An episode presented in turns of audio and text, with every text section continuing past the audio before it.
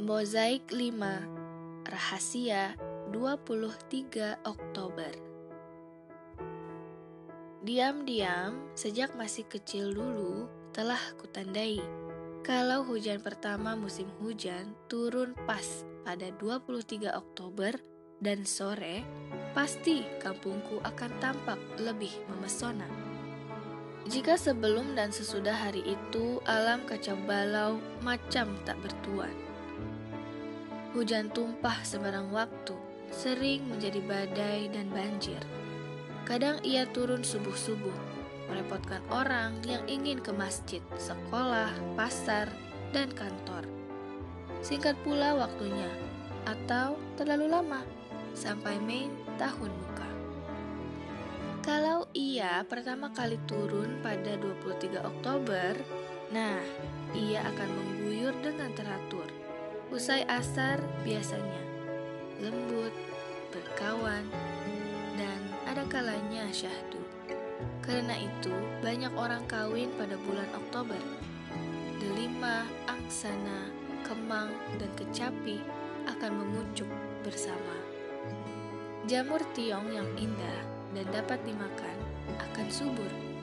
Bunga bakung akan bersemi awal sampai sempat dua kali berbuah sepanjang musim hujan itu. Akibatnya, burung punai akan makin besar rombongan migrasinya. Gelap awan selatan dibuatnya. Tengah hari yang panas akan diusir awan kelabu yang dikirim angin dari barat. Satu masa ajaib yang singkat meruap. Semua orang mendadak riang tanpa dapat dijelaskan mengapa. Sambil bersenda gurau, perempuan-perempuan Melayu mengangkat jemuran pakaian yang hampir kering.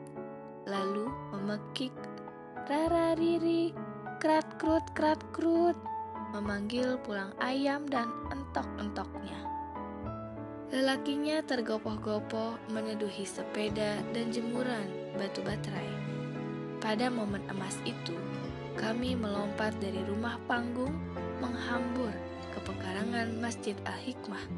Bertengkar-tengkar kecil di bawah menara masjid soal rencana asik untuk hujan sore yang segera tumpah. Guru halus menggoda-goda. Hujan akan berhenti tak sampai matahari terbenam. Kami beramai-ramai berlari ke tali air di bantaran danau. Kami duduk saling berpeluk pundak, memandangi anak-anak belibis berenang berbaris-baris dan lingkar terang pelangi. Saban sore selama musim hujan, seseorang memindahkan surga dari langit ke kampung kami. Lalu langit dikuasai berkawan-kawan burung punai dan kami bertengkar lagi, menentukan raja burung punai yang memimpin kafilahnya, beribu-ribu jumlahnya. Skuadron berwarna hijau melesat di atas danau tali air. Mereka tak peduli pada kami, bahkan tak peduli pada kecantikan mereka sendiri yang selalu kami kagumi sejak kami diizinkan orang tua bermain di pinggir danau itu. Yang ada di dalam kepala mereka hanyalah hamparan bakung yang ranum nun di hulu sungai dan beradu cepat dengan kawanan lainnya agar tak kehabisan buah bakung. Punai-punai itu menyihir kami sampai mulut-mulut kecil kami ternganga. Mereka bak lukisan yang berterbangan di angkasa. Sang Raja Punai terbang paling muka. Jika ia menukik sedikit saja, ribuan punai di belakangnya serentak menukik. Jika ia berbelok, semuanya berbelok. Sesekali ia bermanuver ke puncak pohon-pohon kenari yang ada di pekarangan rumah di kampung. Tapi sebentar saja. Lalu sang raja mengepakkan sayapnya dan terangkatlah ke udara permadani hijau itu. Hebat sekali Raja Punai itu. Dialah raja di raja di angkasa raya. Awal Februari, secara misterius, hujan beranjak ke malam. Ia mengunjungi kampung saban malam dan baru benar-benar lenyap pada akhir Maret. Sebuah musim hujan yang sempurna telah sirna. ia memohon diri lewat rintik-rintik lembut di ujung musim. Lalu bersama kawannya, sang guru yang gagah perkasa itu, mereka pergi, tak tahu ke mana. Demikian teoriku tentang hujan pertama pada 23 Oktober. Teori yang konyol tentu saja, sehingga tak pernah kukisahkan pada siapa pun.